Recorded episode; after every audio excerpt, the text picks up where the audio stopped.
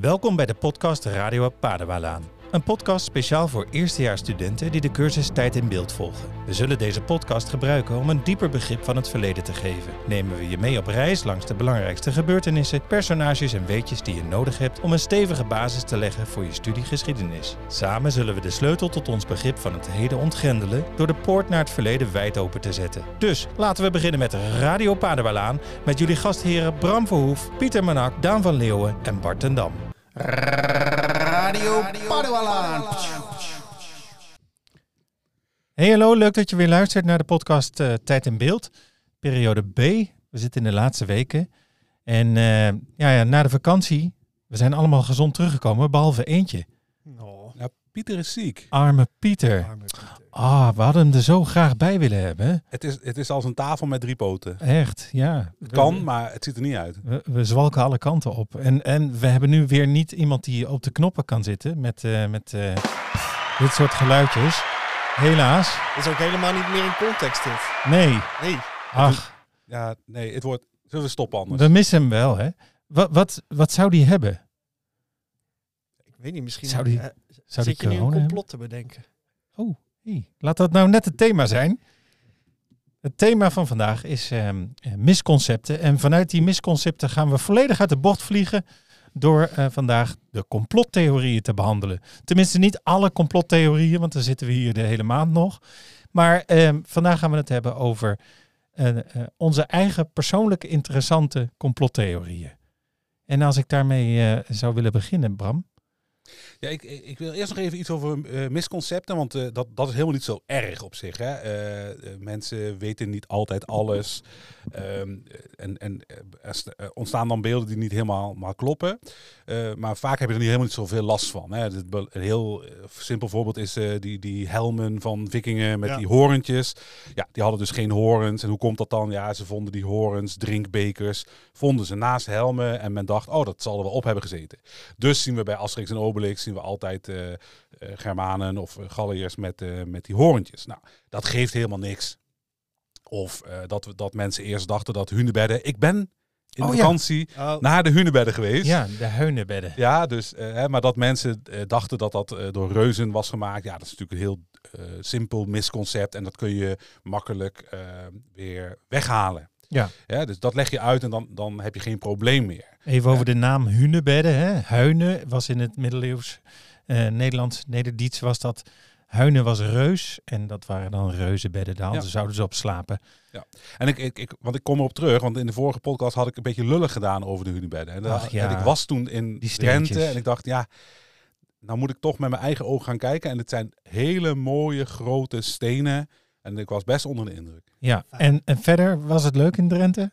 Het was nat in Drenthe. Nat? het is heel ja, nat, maar het was ook leuk in Drenthe. En ik, Ja. ik moet zeggen, eh, het was het Hunebeddencentrum in eh, Borger. Nou, als je er in de buurt bent, je komt er niet zo heel snel bij in de buurt, maar als je er in de buurt bent, eh, ga er toch maar naar kijken. Het was de grootste hunebed in Nederland, eh, N72 of zo, weet ik veel, even Ja. de naam.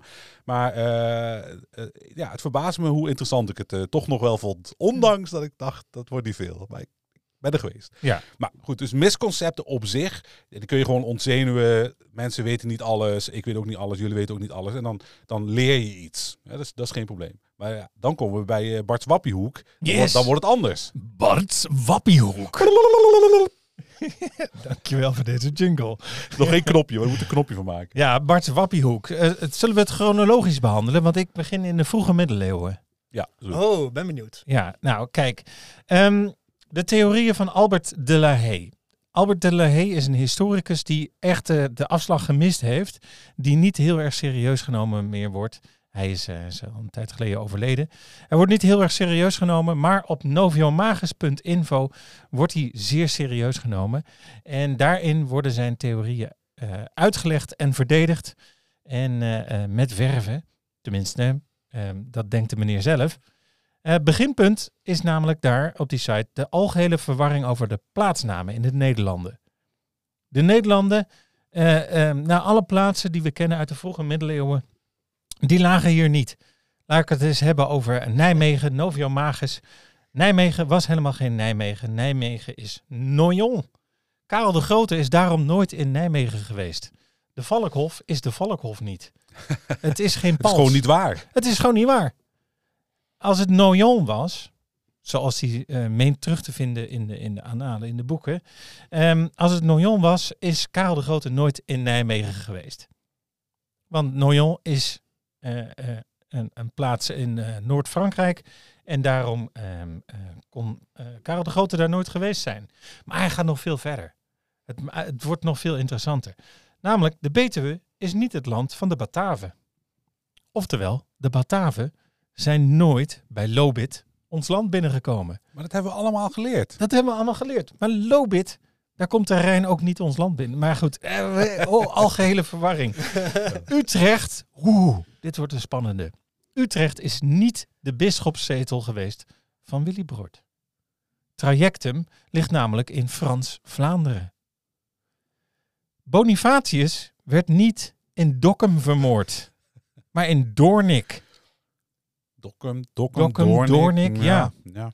De vikingen zijn nooit in de buurt van Wijk bij Duurstede geweest. Wat, wat sowieso niet bestaat. Dat bestaat niet. Nee, Wijk bij Duurstede bestaat niet. Is gewoon een fantoomplaats. Dorenstad kennen we niet. Nee, Dorenstad. Nee. Dorenstad is ook Doornik. Dat is ook Doornik. Tournai. Ja, Dorenstad.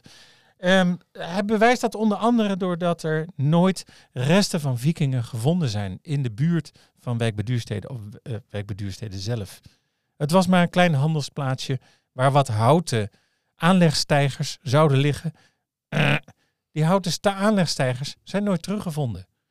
Die boerderijen die daar eh, vermeend gebouwd zijn, hè, een van die boerderijen zijn op, eh, op schaal nagebouwd in Park Schothorst in Amersfoort.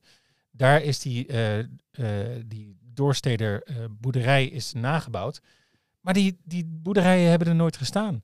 Want er zijn alleen maar wat gaten gevonden met wat houtresten. En dat zou niet bewijzen dat daar zo'n ehm, ehm, een boerderij gebouwd is. Dat er überhaupt vikingen geweest zijn die daar de boel plat gebrand hebben. Caesar is nooit in de Nederlanden geweest. Caesar is niet verder gekomen dan Noord-Frankrijk. Geen Belgen. Nee, eh, in De Bello Gallico eh, spreekt hij over het verslaan van de Euberonen.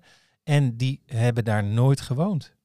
Die zijn nooit in de Nederlanden. eh, eh, Maar oké, Bart, nu, nu eh, Oh. de, de La Haye zegt dus van alles en nog wat. En jij eh, eh, spuit dat hier vrijelijk eh, de, Ja. e- de eter in. Goh, ja, natuurlijk. Forever. Maar ja, ik kan ook van alles zeggen, dit niet en dat niet. Hij zal het toch ook onderbouwen. Ja, Ja. Je, geeft, je geeft lichte onderbouwing, maar Hij- hoe moeten we hier nu mee omgaan? Hij smijt met bronnen. En dat zijn bronnen uit eh, eh, middeleeuwse geschriften. En hij plukt daar zinnetjes uit. Die highlight hij het liefst met eh ctrl-B, met eh, dik gedrukte letters. En als je kijkt naar die site, is het ook heel interessant. Ehm, hij heeft heel veel zelf ingestuurde krantenreacties. Die heeft hij zelf ingestuurd. En die gebruikt hij als bron. Ah, heel Bijzonder goed. Dit is, een, eh, interessant. dit is een interessant mechanisme. Hè? Dus, eigenlijk doet hij een beetje een cherrypicking, kun je het noemen. Hè? Van je pakt precies wat je nodig hebt. En daarmee maak je Ja. dan een groot verhaal eh, waar. Of eh, onderbouw je een veel groter verhaal. Terwijl je alles wat op andere dingen duidt, die laat je buiten beschouwing. Of eh, die noem je niet. Of hè, die doe je niet. Hè? Dit is wel een eh, mechanisme wat we veel zien bij eh, dit soort verhalen. Hè? Van, Ja. ja, je hebt een soort onderbouwing, maar er is zoveel tegenbewijs of andersoortig eh, bewijs wat je niet meeneemt, dat het dan eh, eh, ja, je verhaal. Hij, draait van- het, hij draait het eigenlijk om. Ja, Ja, Dus En- hij heeft een bepaalde stelling en dat gaat hij dus. Ja. eh, Zijn er bepaalde bronnen die dat dan onderschrijven? Ja. maar is het nou liegen of niet? Eh, dat is denk ik pseudo-wetenschappelijk iets. Ja, ja. het is gewoon verkeerde, verkeerde, methodiek. methodiek. Ah. Hij gebruikt nog meer methodes hoor. Ehm, als hij kritiek gebruikt, dan citeert hij één zinnetje uit de hele kritiek en dan plaatst hij het niet meer in de context. Contextloos, ja. Ehm, de layout van de site, als je er naartoe gaat, noviomagus.info, dan zie je een hele rommelige en schreeuwerige site. Hij trekt ook fel van leer tegen alle critici. Die, eh, dat zijn leugenaars. Ja, dus de aanval is de beste verdediging. Absoluut. Ja. Ja, eh, het is echt heel schreeuwerig. Het ziet eruit als zo'n roddelblad, de party of de weekend. Ik ken ze niet meer. Dus ik ben niet gek. Alle anderen zijn gek. Alle anderen zijn gek. Een beetje het Calimero-effect. Ja. Zij zijn groot en ik ben klein en daarom is het niet eerlijk. Oh, Heeft hij ook nog medestanders? Of, eh? Eh, Vast wel. Ja, Ja, Er vast wel mensen die op zijn, op zijn site denken van, nou ja, dat is wel een goed verhaal. En hij heeft goede, goede, argumenten. bronnen. kijk, Ja. die, die Albert de La Haye is al jaren dood. Eh, dus de sitemaker, die heeft de updates tot met 2019 inmiddels. ja. En ehm, die, ehm, eh, die heeft natuurlijk... dat is natuurlijk een, uiteraard een volgeling van eh, de La Haye. Apostel. Oké, dan gaat het over, eh, laten we zeggen, middeleeuws Nederland. Of eh, zelfs eh, Romeins eh, Nederland. ja. Hoe erg is het? Nou, als hij, zo, als hij gelijk zou hebben, dan haal je dus eigenlijk de hele vroege middeleeuwse Romeinse geschiedenis van de Nederlanden haal je weg.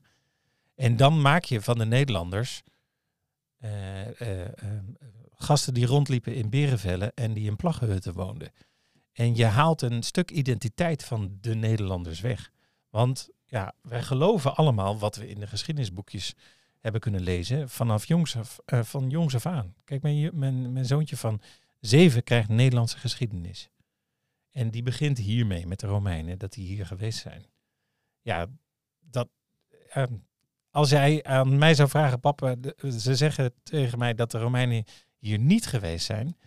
Ja, dan moet je best wel sterk in je schoenen staan. Kijk, ik ben een historicus, maar andere mensen moeten best goed in, een- sterk in hun schoenen staan om te bewijzen dat het wel zo was. Dus het is niet een kwestie van, eh, nou ja, vrije meningsuiting. Wat maakt het uit? Eh, voor de historicus dan. Hè? Kijk, wij zijn geen rechters. Wij, zijn geen, eh, eh, wij hoeven geen straffen uit te delen voor mensen die dit doen. Maar als historicus moeten we hier toch wel eh, scherp op zijn. Ja, als historicus moeten we hier scherp op zijn. En verder vind ik het vrije woord het hoogste goed wat we hebben in Nederland. Dat is dus niet hetzelfde voor alle duidelijkheid. Nee, Hè? dat is niet hetzelfde. Nee, je mag beweren wat je wil. Alleen ja, kom wel met, met feiten.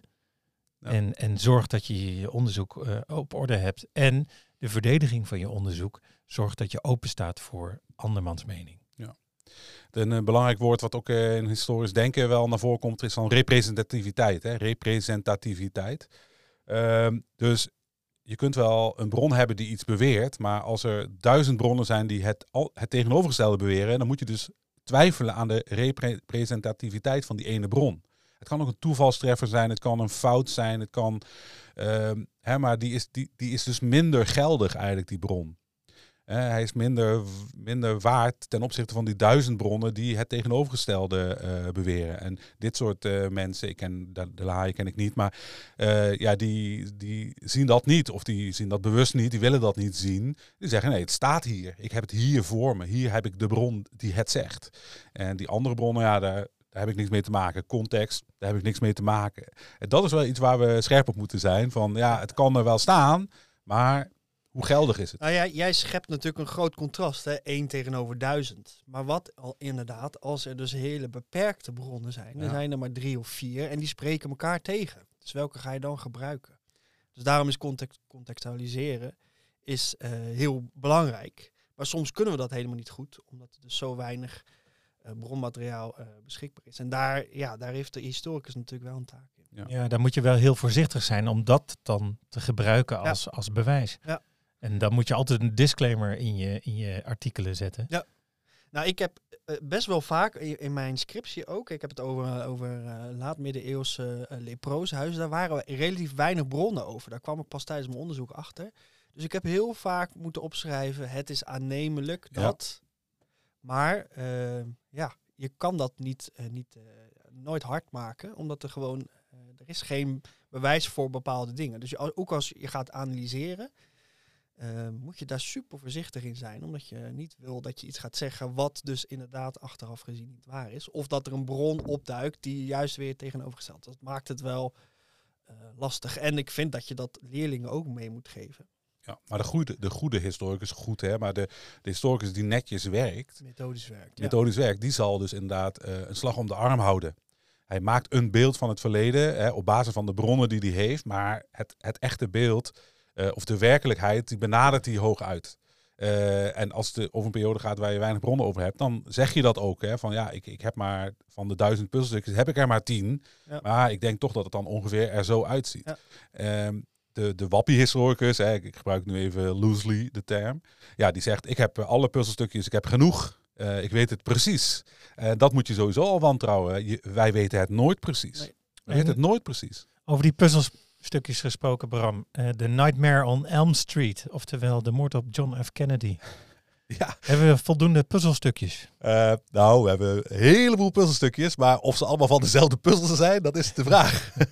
en eh, ik heb inderdaad eh, JF, de moord op JFK had ik als, als voorbeeld wat heel, waar ik heel snel aan moest denken. Ik, ik ben ook een historicus van de 20e eeuw, dus ehm, ja, dan kom je vaak bij koude oorlogssituaties terecht. Hè. John F. Kennedy, de grote John F. Kennedy, de magische John F. Kennedy vermoord. Hè. En ja, wat, wat wil je nog meer voor je reputatie? En voor je reputatie is het altijd goed als je een beetje jong doodgaat. Ik, raad het jullie niet aan, maar voor je reputatie zou het goed zijn. Hè, weet je nog, oh, wat was dat toch een kerel? Wat was dat toch een prachtvrouw? Die eh, hebben wat bereikt. Wat jammer dat ze dood zijn gegaan. Ehm, dus We, hebben al in Vietnam anders over denken. eh, ja, zeker. Maar eh, laten we het dan even vanuit de, de westerse perspectief houden, anders wordt het nog ingewikkelder. Maar goed, Ja. maar je hebt gelijk. Maar ehm, nou, hè, dus Kennedy jong gestorven, ook nog een keer vermoord. Daar moet meer aan de hand zijn. Dat moet, daar moet iets aan de hand zijn. Het kan toch niet dat er gewoon een president vermoord is? Dat is eigenlijk het probleem wat hier ontstaat. Hè. Het is heel moeilijk voor ehm, mensen om te accepteren dat dingen ook gewoon gebeuren. Hè, ehm, en het, het is niet zo dat elke president vermoord wordt. Nee, zeker niet. Maar er zijn er meer vermoord. Hè? Lincoln is eh, eh, vermoord. Eh, ik dacht Garfield is vermoord. Nou, er zijn vier, vijf presidenten. Zijn, ja, de- hè, nou ja, Amerikaanse presidenten. Oh, maar nou ga ik even, voordat we het over JFK hebben, gaan we het eerst over Reagan hebben. Dus Ronald Reagan, daar is ook een moordaanslag op gepleegd. En die heeft hij ternauwernood overleefd. Hè, een, een, eh, een fan van Jodie Foster, dacht ik, die eh, wilde indruk maken op Jodie Foster, de actrice. En eh, die dacht, nou, als ik nou de president vermoord, dan zal ze me wel zien zitten. Oké, dus we hebben al met een, we hebben al met een patiënt te maken. Oké, geeft niet. Maar die, bijna wordt Ronald Reagan vermoord. Daar, daar is geen enkele complottheorie over. Hè, dat is gewoon een eenling, een, een, een gek, om het zo maar te zeggen, een lone wolf, hoe je het wil noemen. En die heeft dat gedaan. Ja, het is net niet gelukt. Eh, maar bij Kennedy, omdat het wel gelukt is en wat de gevolgen ook heel groot zijn en omdat de verwarring en de onthutsing zo groot zijn, vinden mensen het heel moeilijk om te accepteren dat daar misschien ook gewoon een lone wolf aan de gang is eh, geweest. Hè? Dat, dat, dat dat een incident is. Nee, het moet een grotere betekenis hebben. Nou, ehm, er zijn dus talloze documentaires, films, boeken, eh, nou, noem maar op, noem maar op. Hè. Die zijn allemaal eh, over geschreven. Ehm, die iets willen verklaren wat er misschien niet is. Dus het is ook haast een soort magisch denken. Het kan toch niet dat de president van de Verenigde Staten, zo'n knappe man, hè, dat hij zomaar vermoord wordt door een enkeling. Dat kan niet. Dan moet, nou ja, noem maar op, FBI, CIA, de Russen, de Cubanen. eh, nou, wie, wie is er niet voorbij gekomen als potentieel eh, eh, dader? Daar, daar moet meer achter zitten. Eh, nou, waarom je daar huiverig voor moet zijn of een beetje afstand van moet houden van dit soort complotdenken, is ook wat is nu werkelijk het bewijs? Ja? Het gaat heel vaak over, ja, maar als dat, als dat en dan zou dat kunnen en dan, hè, dus je bent al vier, vijf eh, hypothetische situaties verder en dan, dan heb je iets bewezen. Ja, Wordt er dan ook ergens naartoe geredeneerd? ja, dat, dat, dat zie je dus heel vaak. Hè? Want er is een dader of er zijn daders eh, ergens bedacht. De Cubanen, ik noem maar wat. Ja, dan moet je daar natuurlijk wel bewijs naartoe gaan eh, creëren. Maar dat is geen juridisch bewijs. Hè? En, en kijk, in dit geval bij een, bij een moordaanslag, ja, gaat het ook over juridische daad, hè, een, een juridische misdaad. Ja, dat is, dat is allemaal heel raar. Ik weet niet of je wel eens die schema's hebt gezien van hoe die kogel dan, eh, de baan van de kogel, dat soort dingen. Dat is hartstikke interessant. Ja, eh, eh, maar hoeveel mensen zouden er in het complot betrokken zijn als het werkelijk een complot was? Ook dat kun je afvragen. Nou, we horen nu wel eens eh, de New World Order en, en dat soort eh, eh, zaken. Hoeveel mensen zijn dat dan? Ja, ze zeggen altijd ze. Hè, ze. Dus we weten niet hoeveel mensen dat zijn. Hè, dat is ook wel lekker, want dan kunnen het ook heel veel zijn. Dat kan ook iedereen zou het kunnen zijn. Maar ja, wijs er dan eens eentje aan. En niet alleen maar George Bezos of de, de usual suspects. Maar die, die hebben toch een hele... Als dat werkelijk dat soort dingen waar zouden zijn, dan heb je daar heel veel mensen voor nodig om dat te organiseren. En die houden allemaal keurig hun mond. Ja, ik weet niet, ik, ik, kan, ik kan er dus niet zo goed eh, eh, tegen. Omdat je, ja, je suggereert heel veel. Je, je suggereert ook een antwoord. Komen we weer hè, bij wat uh, Hayo eigenlijk ook eh, doet. Hè. Je suggereert, ik heb het antwoord. Ik weet hoe het zit. En nu ga ik jullie overtuigen, jullie domme schapen. Ook een term die natuurlijk vaak voorkomt. De schapen ga ik overtuigen van eh, hoe het werkelijk zit. Jullie Word snappen het niet. wakker, word, Word wakker. wakker, nou, dat soort zaken. Ja. Best wel vermakelijk. Hè? Dus als eh, privépersoon vind ik het best eh, vermakelijk. Maar als historicus eh, wil ik er weinig, eh, eh, hecht ik er geen waarde aan. En wil ik er ook weinig aandacht aan besteden. Omdat je, eh, kijk, die ander die is ook veel beter ingelezen in de flut-argumenten. de slechte argumenten. Dat ga je niet winnen. Nee. Ja, ik geloof dat, ehm eh hoe heet hij weer, Clemens, eh, hoe heet die Amerikaanse schrijver, Mark Twain. Mark Twain heeft ook gezegd, je moet niet met gekken in discussie gaan, want ze zijn beter voorbereid dan jij. Ja, dus, dus het kan wel onzin zijn, maar ze zijn echt beter voorbereid. Dat ga je niet winnen. Dus eh, ja, dat, Maar dat is lastig. Maar dan loop je het risico dat het een broeinest wordt en dat het gevaarlijk wordt. Dat kan, ja. we, ja. we hebben een voorbeeld eh, in Bodegraven, hè, de, de, Ja. de, de, de, de- het pedonetwerk wat daar eh, een grote rol zou spelen en landelijke invloed zou hebben. Eh, daar zijn echt levens door verwoest. Ja, je zou maar in Bodegraven wonen. Ja. Nou ja, het zal goed. Het, nee, maar het zal je kind maar zijn, hè? eh, eh, waar, die, waar dat graf dan open van wordt gemaakt. Of waar Ja, ja. seances zijn. Ja, daar word je ook niet goed van natuurlijk. Maar ja, het, het, het is dus op de grens van eh, vrije meningsuiting wat, wat mag. Hè? Nou, hier, de- hier worden grenzen overschreden overigens. Hè? Dus dit mag niet. Maar ehm, als historicus moet je zeggen, ja, waar ben je nu mee bezig?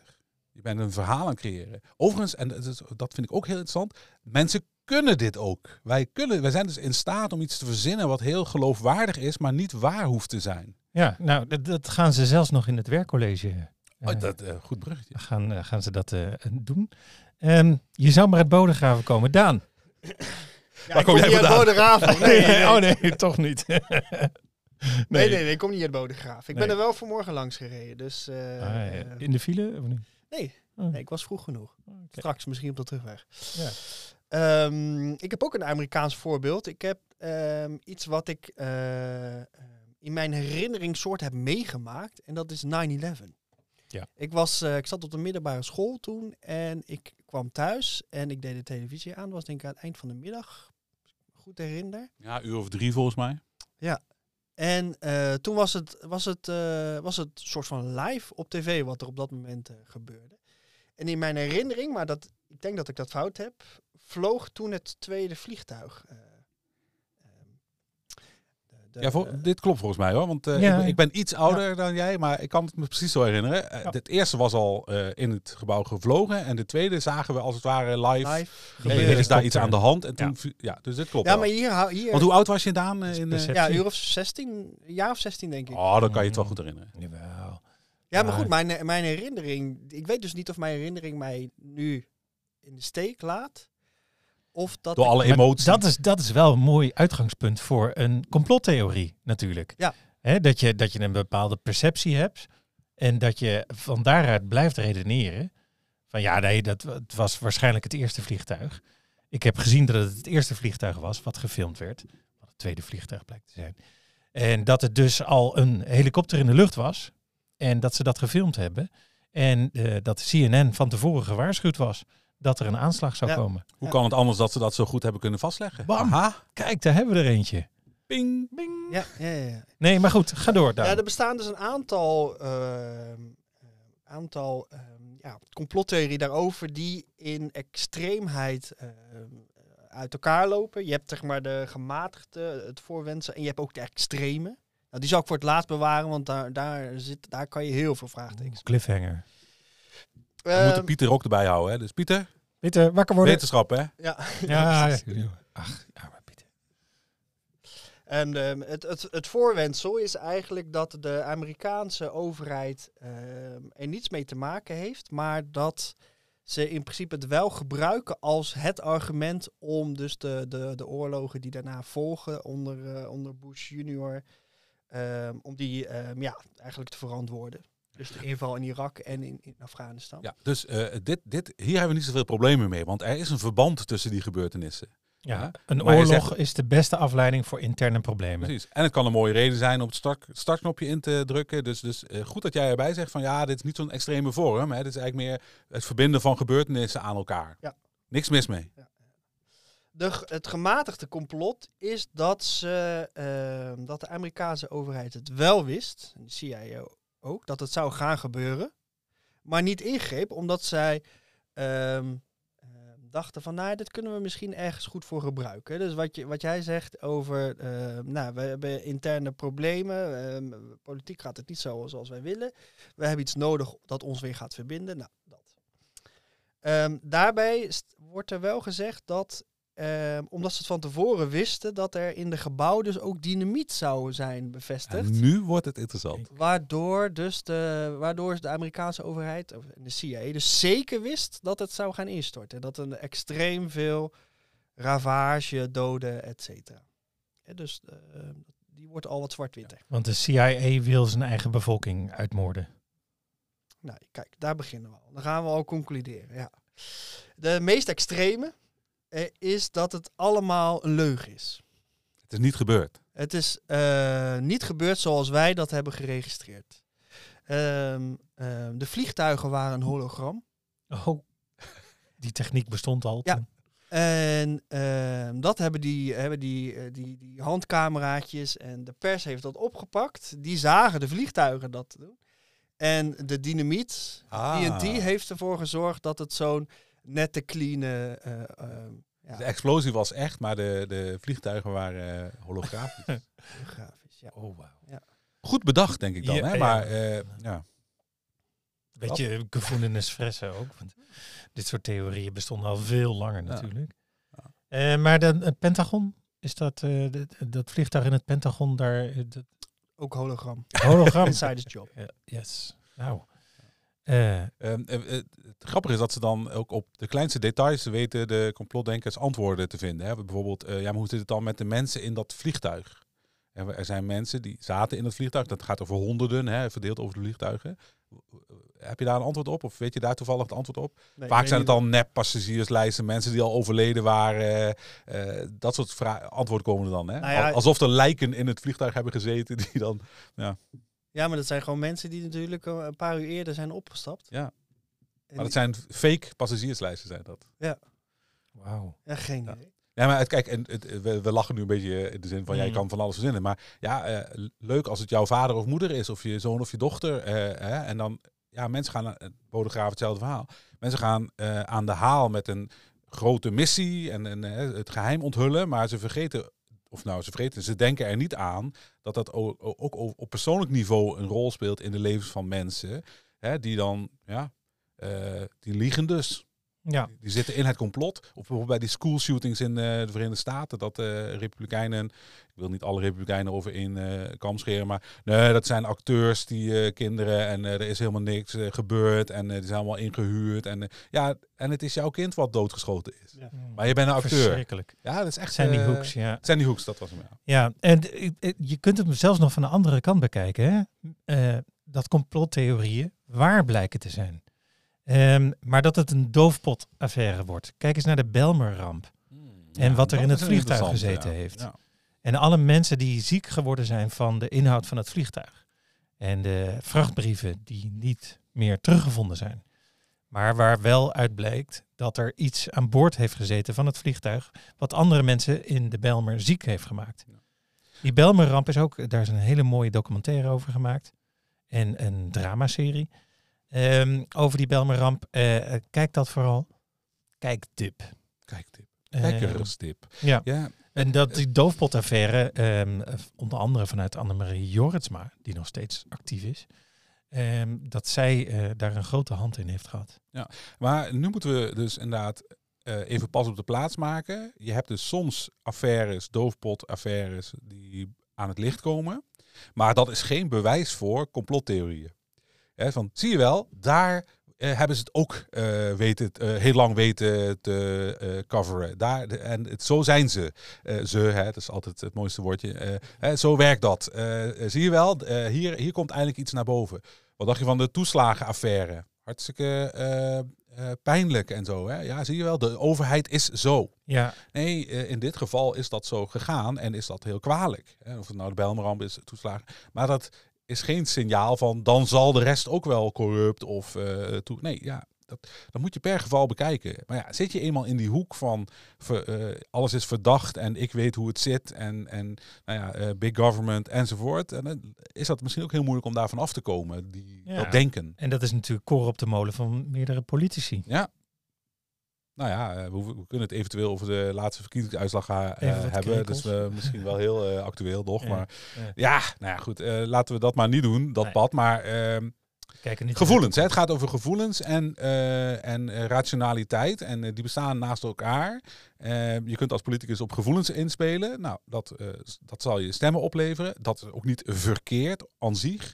Je kunt het heel rationeel spelen. Dat kan soms ook heel goed zijn. Maar misschien dat we in een tijd zitten dat het gevoel wel een grote rol speelt eh, in de samenleving. Ik voel dit, ik voel dat, eh, ik vind dit, ik vind dat. Ja, dat kan.